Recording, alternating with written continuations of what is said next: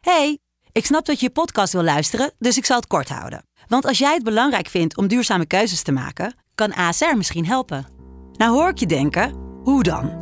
Nou, bijvoorbeeld bij het duurzaam herstellen van schade. Of de premies die we beleggen volgens ons duurzaam beleggingsbeleid. Dat bepaalt waar we wel en juist niet in investeren. Wil je meer weten over welke duurzame keuzes ASR maakt? Ga dan naar asr.nl slash duurzame keuzes. ASR doet het. Zo, dan kan je nu lekker naar je podcast luisteren.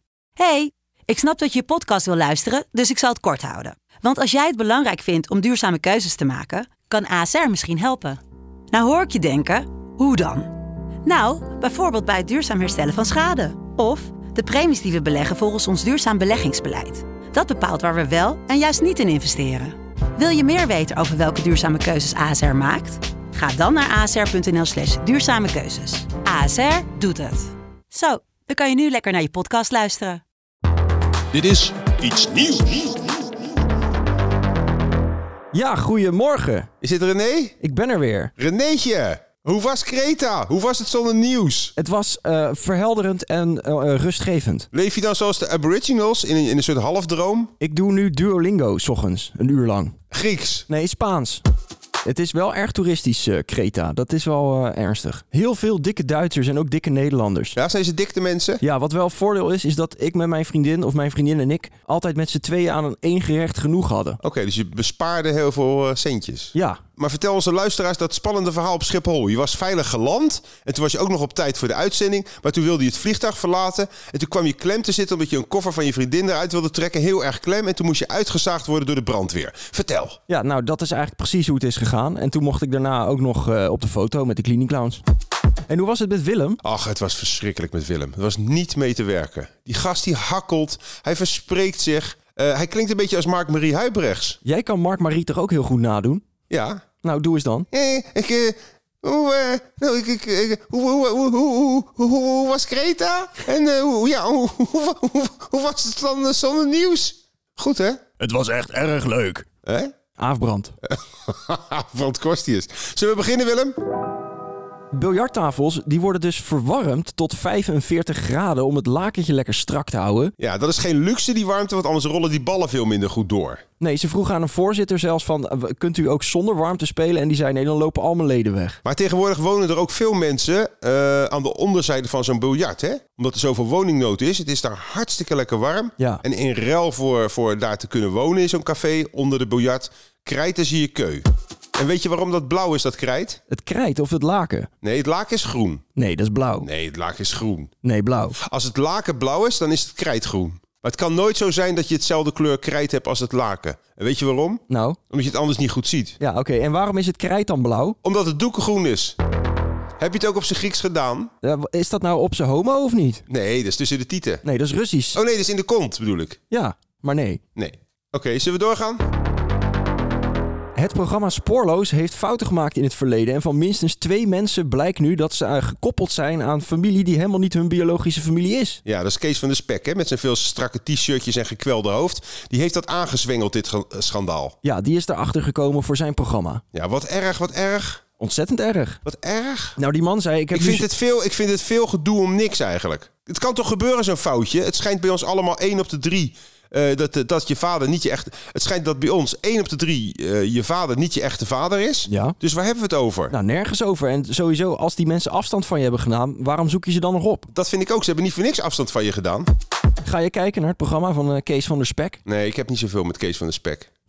Ze noemen hem altijd Cheese van der Bacon. Dat is wel grappig. Cheese van de, van de bacon? Cheese van der Bacon, dat is toch leuk? Ja, dat is wel grappig. Maar vind jij het een, een, een, een- een- vind jij het een mooie tv-personality? Ik heb nog nooit een minuut van zijn programma's gezien, maar dat ligt aan mijn generatie, denk ik. Ja, maar je kan je elke keer wel verschuilen achter je generatie. Het is ook gewoon je taak om een beetje op de hoogte te blijven van de media. Kees van der Spek is genomineerd met zijn programma. En je weet niet eens eh, wat voor programma's die maakt. Klopt. Sorry, maar zo was Willem niet. Zo stond Willem er niet in. Die had zich echt eh, tot in de treuren hè, had hij zich voorbereid. Het dorp Fadjagon, Fadjaon in India gaat eh, anderhalf uur per dag offline. Geen telefoon en geen televisie. Ja, is toch een prachtig initiatief. Ze gebruiken er ook een sirene voor om aan te geven van mensen nu stoppen, telefoon uit, Ja. eh, televisie uit. Klopt. Ik vind het echt fantastisch. Het zou een, een tv-loze avond zou hier ook een hoop stroom schelen. Dat zeker. En het is bedoeld om de verslaving aan de mobieltjes tegen te gaan. Ik vind het een heel goed initiatief. Je, je merkt ook in Nederland steeds meer jonge mensen die, die, die zitten alleen maar op die telefoon en die praten ook niet meer. Hè? Nee. Ik hoorde van laatst van een arts dat sommigen hun stem al weken niet meer hebben gebruikt. En dat daardoor de stembanden langzaam maar zeker krimpen. En evolutionair gezien ook eh, verdwijnen op den duur. Net als dat je niet meer kan schrijven tegenwoordig. Kun je dan dadelijk niet eens meer praten. Nou, ze kunnen nog wel heel goed typen met twee duimen, maar lullen homar. En hierdoor is de toekomst van podcasts staat ook op losse schroeven. Nou, wij hebben daar geen last van dat onze stembanden krimpen in ieder geval. Nee, wat lullen wij veel. Jij hebt een week niet geluld zeker, of niet? Heel weinig, heel weinig. Het beviel goed. Alleen maar kalimatari ta tang tang tang. Of zeg eens wat in het Kretaans. Papa, laat mijn piemel los. Jongen, jongen, jongen. Oké, en door. Nee, want ik had nog even doorgeklikt. Oh, sorry. Want dit berichtje stond ook op de BBC.